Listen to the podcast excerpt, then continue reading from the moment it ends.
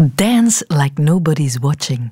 Dat zeggen ze zo wel eens, hè? Flairgewijs, dat je moet dansen alsof niemand kijkt. Gewoon lekker jezelf zijn. Ook al beweeg je super ongemakkelijk en mega hard uit het ritme. Dat is zo'n voorschrift voor wie echt wil leven. Maar nu eerlijk, wie van ons doet dat? Echt? Voluit, doelbewust, een onnozel figuur slaan op de dansvloer. Ik zal het je zeggen, heel weinig mensen doen dat. En wie het doet, die maakt mee wat Elon Musk meemaakte. Die wordt het mikpunt van spot en die wordt wereldwijd belachelijk gemaakt. Hij heeft gedanst ergens op een voorstelling van een nieuw Tesla-model. Een beetje een bizarre dans, mogen we toch wel zeggen. En sindsdien is hij de risée, samen met Theresa May, de superlord van de awkward dance. Wat? Zegt wel iets over de kracht van dansen. Soms borrelt die gewoon op. Wil je dansen, dient de dans zich aan. Je lichaam begint en je kan niet anders dan volgen.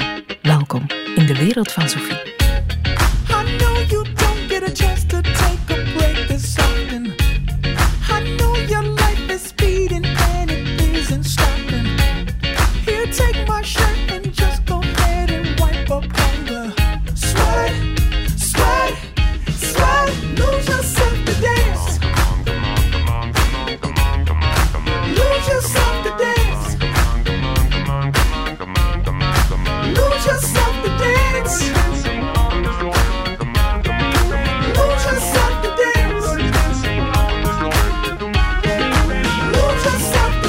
Zo gaat dat toch, hè? Ineens speelt de DJ jouw nummer en je zegt, oeh, dit is mijn nummer. En je lichaam stuurt je op jouw nummer richting dansvloer. En nog voor je er bent, begin je al wat te dansen, wandelen, want dit is zo onweerstaanbaar. En voilà, je hebt de juiste tegel gevonden op het vierkant dat aangewezen werd als dansvloer en je bent vertrokken.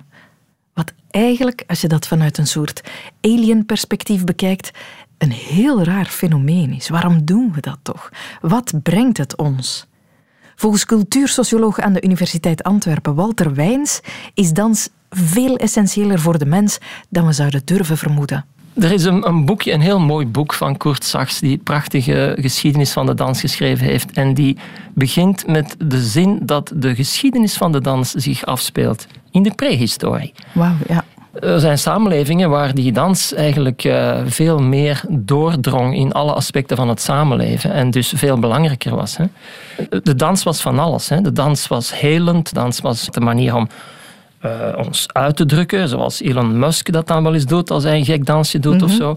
Uh, maar veel belangrijker is natuurlijk dat mensen rondom zich kijken en daar patronen zien. Ze zien bijvoorbeeld een dier bewegen, of ze zien hoe de wind een boom doet uh, heen en weer uh, zwiepen, of ze zien het kabbelen van het water.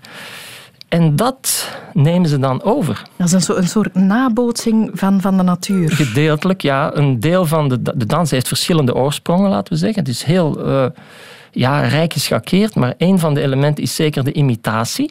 Mhm. Eh, waarbij dus inderdaad bepaalde vormen worden nagebootst. En dan heel vaak gaat het om dierlijke vormen. Ehm, en er zijn nog altijd verbluffende voorbeelden van hoe premoderne mensen, die heel dicht bij uh, de dierenwereld leven, hoe die in staat zijn om dat dier dat ze waarnemen in zichzelf, laten we zeggen, op te nemen. Dus echt te vereenwendigen op zo'n manier dat je het kunt spelen. Hè. Reizigers die zien dat wel uh, hoe ze soms bijvoorbeeld bij de Aboriginals uh, worden uitgenodigd om aan feesten deel te nemen en ze dan vaststellen dat zo'n oude Aboriginal nog in staat is om op een verbluffende manier de dood van de hagedis te dansen. En dan sta je daarbij en de minuten waarop hij dat aan het dansen is, lijkt het inderdaad alsof je daar zo'n dier uh, ja, herkenbaar bezig ziet aan zijn laatste minuten. Mm dus dit is natuurlijk voornamelijk de, de, de imitatie. Mm -hmm. Je ziet dat ook bijvoorbeeld bij gazellen. De bosjesmannen zijn bijvoorbeeld zeer goed in staat om springbokken te imiteren. Ah, ja? Uh, overigens, kinderen hebben ook dat vermogen. Dat, uh, dat wij nadien, dat behoort niet tot de eindtermen voor zover ik weet, hè, dieren nabootsen. nee. uh, maar misschien zou het goed zijn om dat erin op te nemen. Ja. Um, omdat, ja, dat, dat is er. Hè. Dus dat vermogen is, uh, is, is heel sterk. En, en kleine kindjes doen dat graag. Hè. Zo diertjes, uh, zo, zo, het wandelen van een, een, een, duif of zo, of een kat dat passeert, ja, dat doen ze dan ook eventjes na. Mm -hmm. En ze kunnen dat. En dus op die manier verkrijgen wij eigenlijk kennis van die mhm. wereld. En we gaan aandachtig waarnemen. Een danser die uh, een, een, patroon probeert na te dansen, die gaat natuurlijk in de eerste plaats ja, kijken en voelen. Mhm. En dus dat is een vorm van kennis die je uh, verwerft zonder dat er ook maar één woord voor nodig is. Ja. Gewoon waarnemen en het nadansen. Als ik dit zo hoor, dan dat staat mijlenver van de dans die wij vandaag de dag kennen. Hè? Uh, waar we het effectief op afgesproken plekken doen, op afgesproken gelegenheden. Een huwelijk, een verjaardagsfeestje en zo. Er zijn hits tegenwoordig waar ingestudeerde pasjes bij horen. Hoe zijn we van die oerdans in de disco terechtgekomen? een belangrijke rol... Uh heeft uh, de, ja, de beschaving in het algemeen, en dat wil zeggen voornamelijk de hofbeschaving gespeeld. Als je kijkt naar onze contraien, mm de geschiedenis van de dans uh, is heel sterk bepaald door wat er zich aan de verschillende hoven heeft afgespeeld. Aan zo'n hof moest je je plaats kennen en je moest voornamelijk dingen instuderen. Dus je krijgt hier een soort vermaatschappelijking van de dans waarbij iedereen zijn juiste positie, letterlijk en figuurlijk, hè, de juiste danspositie, maar die, dat belichaamde dan eigenlijk ook een maatschappelijke positie vaak. Je mhm. moest weten waar je stond en wanneer je een, een buiging uitvoerde en wanneer je een, trap, een, stapje achterwaarts deed enzovoort. En uh, die dansen, ja, die uh, werden dan gaandeweg ook uh, overgenomen buiten die hoven. maar het omgekeerde zag je ook, dat je dan laten we zeggen, die oude traditie van boerendansen, die veel wilder was en die nog enigszins aanknoopt bij die, zal maar zeggen, die oerdansen waar ik daar net over had. Mhm. Eh, dat die toch ook wel doorcijpelde en dat er daar elementen van overgenomen werden, uh, laten we zeggen, in de, in de, uh, de meer beschaafde, tussen aanhalingstekens, delen van de samenleving. De wals bijvoorbeeld is daar een mooi voorbeeld van. Dat is eigenlijk in oorsprong een boerendans die een beetje is opgepoetst en die dan tot een, ja, het summum van burgerlijkheid is uitgegroeid. Ah, ja. ja. dat wist ik eigenlijk niet. Ja. ja. Mensen hebben het er wel af en toe moeilijk mee gehad. Hè? Dat bepaalde dansen verboden moesten worden, dat bepaalde feestjes verboden moesten worden, want men zou maar eens dat soort bewegingen gaan doen. Uh, wat vandaag de dag nog steeds gebeurt. Er zijn landen waar niet gedanst mag worden. Hè? Ja, dan gaat het voornamelijk, uh, althans in onze contrij, om uh, vormen van geseksualiseerde expressie. Hè, dus waarbij dingen worden gedaan en getoond die men niet fatsoenlijk vindt. En dat moet dan een beetje worden gecensureerd en zo. Hè. Denk maar aan de danspasjes, als je ze zo wil noemen, van Elvis Presley. Die in het begin, die heupbewegingen, die een beetje chockerend waren. Mm dus ja, daar werd naar gekeken als zijnde... Voor de ene zagen dat als een bevrijding, de andere als een, een, een doorbraak van de barbarij. Mm en dus inderdaad, ja, de dans... Uh, net zoals ongeveer alles wat het lichaam aangaat, is iets wat geciviliseerd moet worden, hè, wat, wat gecontroleerd moet worden. Je moet dat kunnen beheersen. Ja, er zijn natuurlijk ook, ook samenlevingen waar dansen überhaupt verboden wordt. Uh, wat dat betreft eh, heeft... Uh, uh, heeft men in het Westen ook een rijke geschiedenis tussen aanhalingstekens. Hè. Dus de mhm. katholieke kerk heeft zich vaak verzet tegen dansen, omdat ze dat eigenlijk uh, ja, te heidens vond. Hè. En inderdaad, een, een, aantal van die dansen die gingen natuurlijk terug op ja, veel oudere uh, ritmische patronen die aanknoopten bij bij uh, heidense, als je ze zo wil noemen, cultussen en zo. Ja, ja, ja, en dus in die zin was de strijd tegen de dans was eigenlijk een, een, een, een strijd voor de christianisering. En dat heeft geduurd tot, ja, tot een heel eind in de 20e eeuw, voor wat de katholieke kerk betreft, dat ze zich pas dan is beginnen te verzoenen met het feit dat mensen af en toe eens een danspasje willen, willen uh, een beelddanspasje dan uh, willen uitvoeren. Hè. Mm -hmm. uh, maar elders ja, zie je natuurlijk in theocratische samenlevingen, ja, daar moet je niet te gek doen natuurlijk. Hè. Nee, zeker niet. In Iran en Afghanistan bijvoorbeeld, daar dans je niet zomaar eender wanneer met eender wie. Wij kunnen ons dat amper voorstellen natuurlijk. Hier zegt iemand carnaval en onze das staat al op ons voorhoofd en onze handjes zijn al aan het koekenbakken vlaaien. Maar daar dans je met voorbedachte raden en loert de zedenpolitie om elke hoek. Maar dat betekent niet dat er niet gedanst wordt. Integendeel zelfs. Nergens wordt zo vol overgave gedanst als op Iraanse huiskamerfeestjes, waar dan in besloten kring wordt gedanst. John van Eyck heeft al verschillende van dat soort feestjes meegemaakt. Hij woonde een jaar lang met zijn vriendin in haar geboorteland Iran en schreef daarover in zijn boek Meisje uit Iran. Wart Bogaert zocht hem op. Mijn eerste woonkamerfeestje was uh, in Teheran. Dat was een vriendin van uh, mijn vriendin. En die had een dertigtal mensen uitgenodigd. Um, en ja, dan heb ik toch wel ontdekt dat dansen heel, heel belangrijk was in die Iraanse woonkamers. Want dansen mag niet. Uh, allee, er zijn geen cafés of geen dansclubs.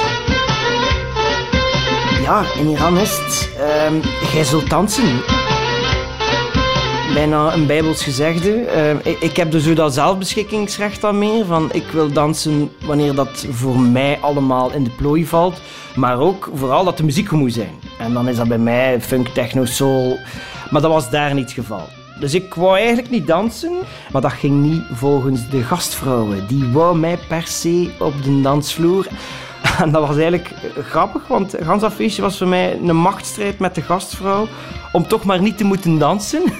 Het was een regelrechte ontvoering van de gastvrouw, mij op de dansvloer. Ze had dan op een gegeven moment de muziek stilgezet. Ze had naar mij gekeken en ze zei: Ik wil iedereen nu op de dansvloer.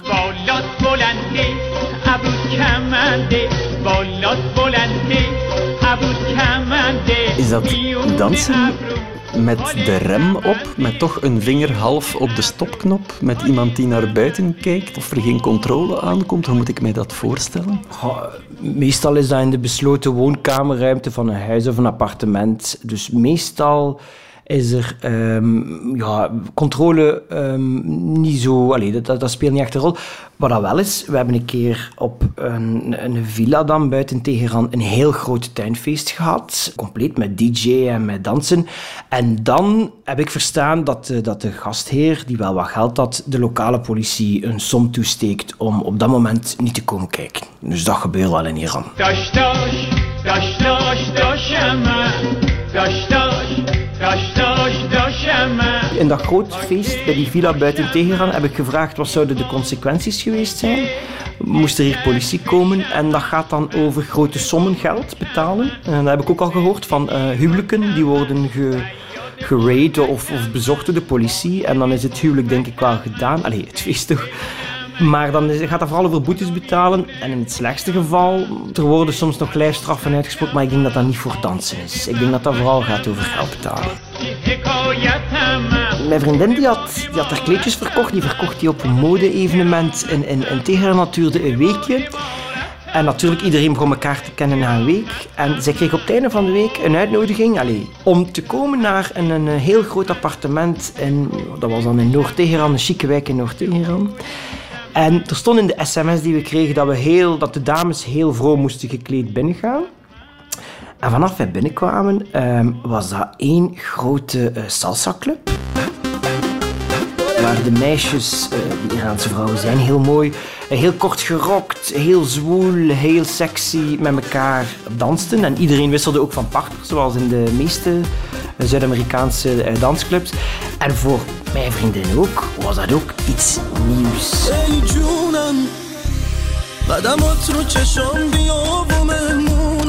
Ja, ik ben dan zo'n beetje, ik kijk dan ook naar de veiligheid. We stonden dan op het balkon te roken en wij hadden uitzicht op een ganse appartementsblok. En die mensen keken ook naar ons, dus die zagen daar ook een groot feest aan de gang.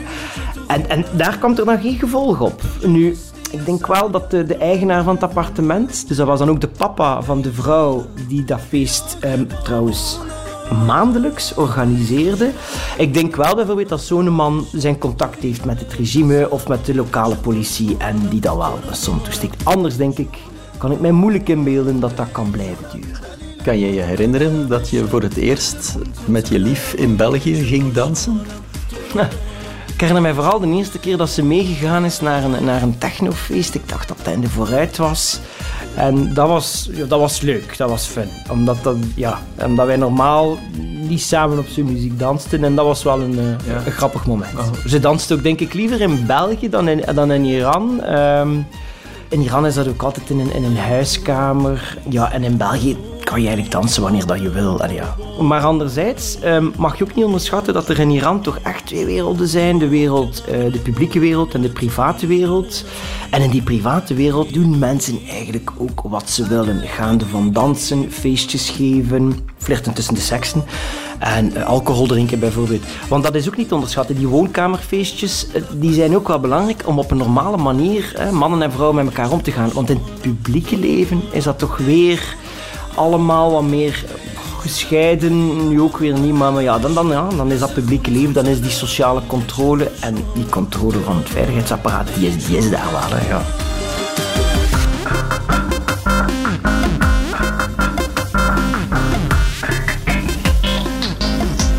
Dans jij hier in Gent met je lief in de woonkamer? Ehm, ja, dat gebeurt soms wel. Um, zij, ja, mijn collega's die hier soms zijn, die, hebben, uh, die werken allemaal in keukens. Dat zijn allemaal koks en chefs. En dan, dus hun vrijdag is zondag en maandag. En dan gebeurt het wel dat we hier de zondagavond, eigenlijk een paar weken geleden nog, hier in de woonkamer tot heel laat stonden te dansen. En is dat dan op jouw muziek of op de hare? Eh, dat is een beetje een...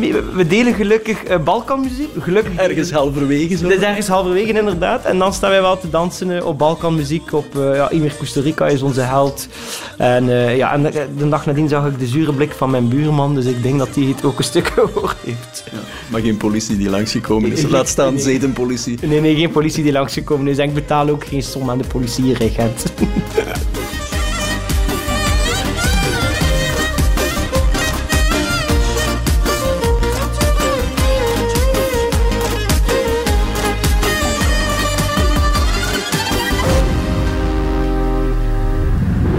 zegt wat hè, over de noodzaak die dansen voor mensen is.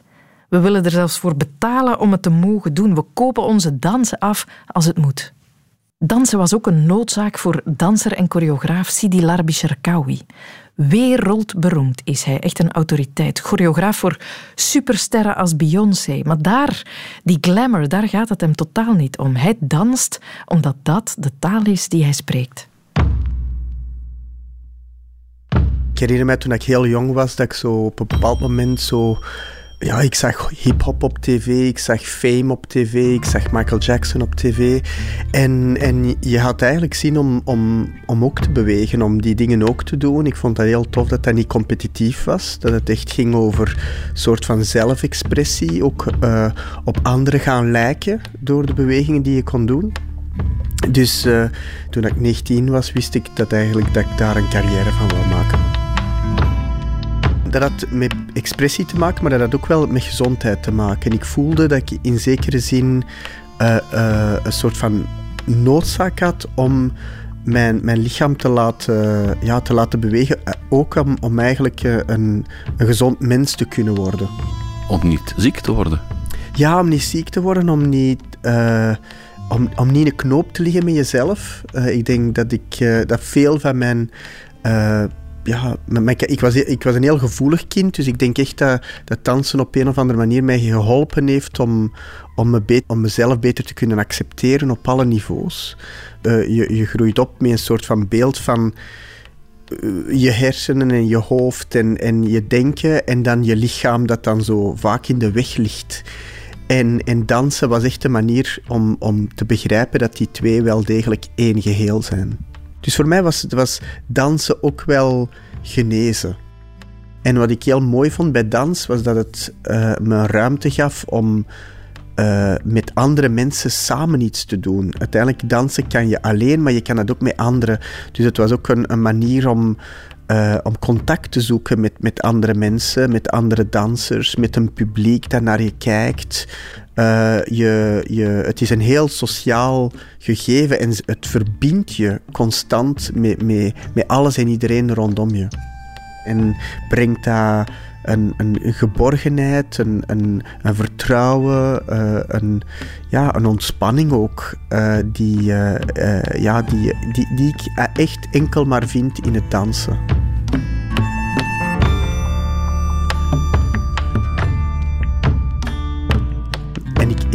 Ik merk dat heel veel mensen eigenlijk constant op zoek zijn naar een excuus om te mogen dansen. Uh, het is ook grappig hoe, hoe, hoe, populair het is om naar discotheken te gaan of, of je e, uit de bol te gaan, zegt men dan. En denk ik van nee, maar dat is eigenlijk gewoon een, een ongelooflijke noodzaak dat mensen hebben om, uh, om even ja, in, op een soort van golflengte te komen en, en, en, en, en te luisteren naar iets dat hen dan op een of andere manier uh, ja, uh, toelaat om, om, uh, om mee te gaan met de muziek of mee te gaan met het lichaam van anderen. Um, het heeft een soort van ritueel hè, in zich. Het is uiteindelijk heel. Het, is, het is diep menselijk, het, het is primitief. En, en, en, je kan, uh, en er zijn heel gesofisticeerde dansvormen van wat mag je, niet mag en waarom en hoe. Maar, maar uiteindelijk komt het toch altijd op hetzelfde neer. Het is een soort van uh, ja, bijna onbeschrijfbare noodzaak die bij veel mensen aanwezig is.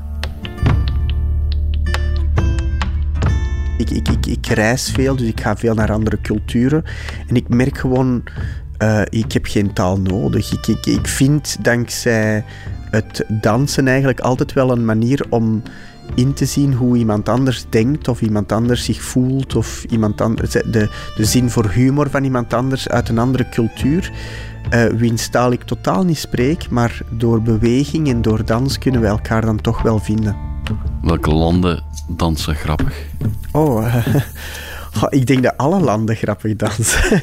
ik denk echt, echt waar dat het uiteindelijk uh, het, het feit van uh, ja, ergens anders iets te zien. Ik weet in Ethiopië bijvoorbeeld, er is zo een, een beweging met het hoofd uh, in traditioneel Ethiopisch dansen. Dat echt wel, dat is, dat is gewoon heel bevrijdend van je, jezelf toe te laten om die dingen te imiteren en, en, en, en eigenlijk je, je, je die toe te eigenen. Is dat verder gaan waar de taal een beetje stopt? Absoluut. Ik denk echt dat, uh, dat, dat, dat, beweging en, en, en, en aanraking gaat waar taal niet meer kan komen. Zitten we in een tijd dat er een beetje te weinig gedanst wordt? Ik denk dat dat wel meevalt. Ik denk echt wel dat mensen altijd nog wel een manier vinden om, om, om te bewegen. Ik zelf, uh, ik, ik zie jongeren en kinderen die, die dan toch zin hebben om te leren dansen.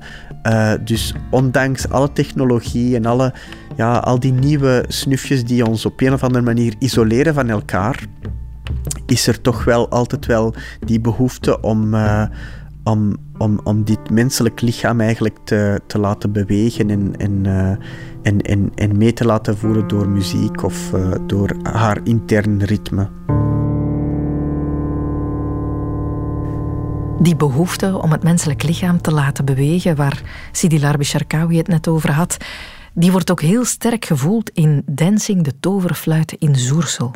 Het is een van de weinige dancings die er nog zijn. In de jaren 90 had je er in Antwerpen alleen al een stuk of 60. Vandaag zijn er nog maar een paar die volhouden.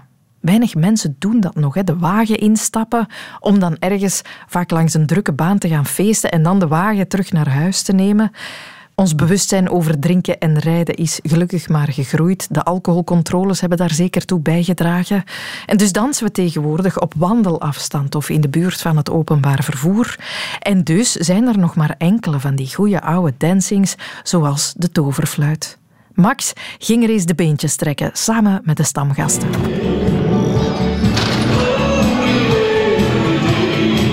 Waarom, uh, waarom kom je naar hier? Die televisie, is toch niks op te zien. Die bewegende beelden, dat doet niks meer uit. Hè. Je kunt een babbeltje doen, een dansje doen, bier drinken, zat drinken, niet zat drinken. Nee, je kunt met andere mensen klappen en, en met ons ziet dat, dat beeld. Altijd die bewegende beelden. Die klappen niet tegen dus komt naar de tekst op. Als je zo lang getrouwd bent, zit je. Wat, wat moet je nog tegen elkaar zeggen? Hier in mijn vrienden en kennissen, kun je dansen, zo doen, een oezel doen, te veel drinken, te weinig drinken.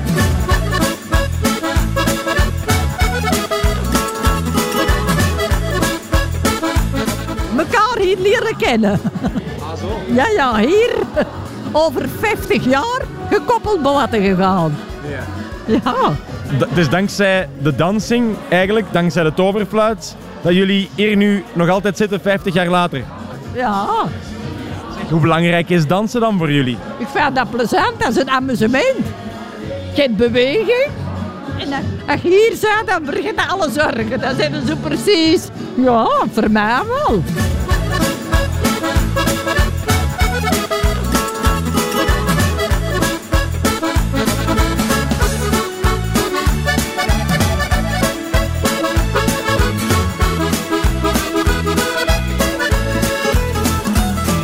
Eddie, waar zijn we hier? Wel, de zaak is ontstaan in 1958. En die meneer die die gesticht heeft, die zaak, die heette Jeffke de Fluiter. En omdat hij zo goed kost fluiten met zijn mond, heet die dansing hier toverfluit. Waarom een dansing, Eddie? Ah, kijk, dat zit een beetje in het bloed, denk ik. Ik heb heel mijn leven in de Noreca gestaan. Ik sta er 55 jaar in. Dat is al een heel tijdje. Ik heb alle watertjes doorzwommen. En eh, op deze dansing ben ik gevallen 15 jaar geleden. Eh, ik vond dat een geweldige zaak. En het publiek is hier ook heel fantastisch. Dat zijn allemaal mensen vanaf 40, 45 jaar. Die komen echt voor te dansen, voor te socialiseren. Die mensen zijn ons zeer dankbaar. Hier gaat geen week voorbij of wij, wij krijgen van die mensen een flesje wijn, eh, een kaartje van waar dat ze geweest zijn, bloemetjes, eh, groenten uit hun hof, je kunt het niet opnoemen. Eh, heel geweldig en nooit of nooit agressie. En dat is ook heel plezant.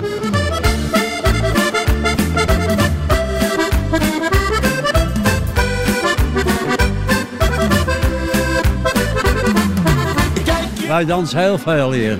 Omdat we ervan houden, het is onze sport zo'n beetje. Is dat, is dat altijd al zo geweest? Hebben jullie altijd vaak gedanst? Altijd.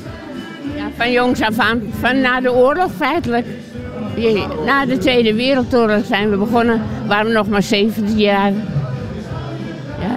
En nu zijn we 89 en we dansen nog steeds. Zij danst de hele avond, hè? Ja, de hele avond. Het is wel als we weggaan om, om een uur half twee. En we hebben ons jas aan, doet ze gauw je jas uit. Want dan hoort een goede swingnummer. En dan wil ze dat nog even doen. Kijk je in je mooie blauwe ogen.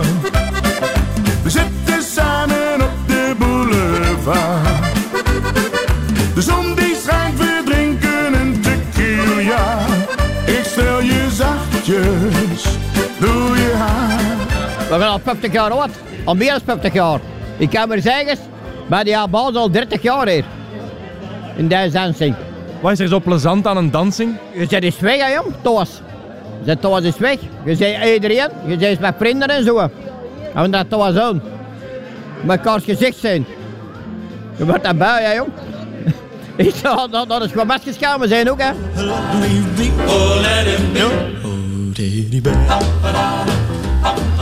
Dat is mijn, altijd mijn hobby geweest. Van als ik klein was. Mijn vader danste graag. En ik ben steeds blijven dansen. En ik ben nu zo oud en toch dans ik nog. Ik blijf zo lang ik kan. En mijn vriendin juist hetzelfde. We hebben elkaar hier over 12 jaar leren kennen. Ja, zaten we daar. over 12 jaar. Altijd, altijd zaten we daar. Maandags. Maandagavond. Als, maar als ik zo indiscreet mag zijn, hoe is dat gegaan? Ik, ik ging al veel vrouwen halen. En ik zat hier met vijf, zes vrouwen en ik zat daar. En zij is erbij gekomen, mijn vriendin. En ik vond die zo goed en die danste ook heel goed. En die begonnen. En het is nog steeds. Dus kan niet beter. Ik blijf eeuwig jong. Ik voel niets. Ik heb niks nodig dan dansen. En, en een goede dansing. Als hier in het overfluit, wat moet je meer hebben? Dus als, we één ding, als ik één ding mag meepakken van vanavond, dan is het blijven dansen. Hè?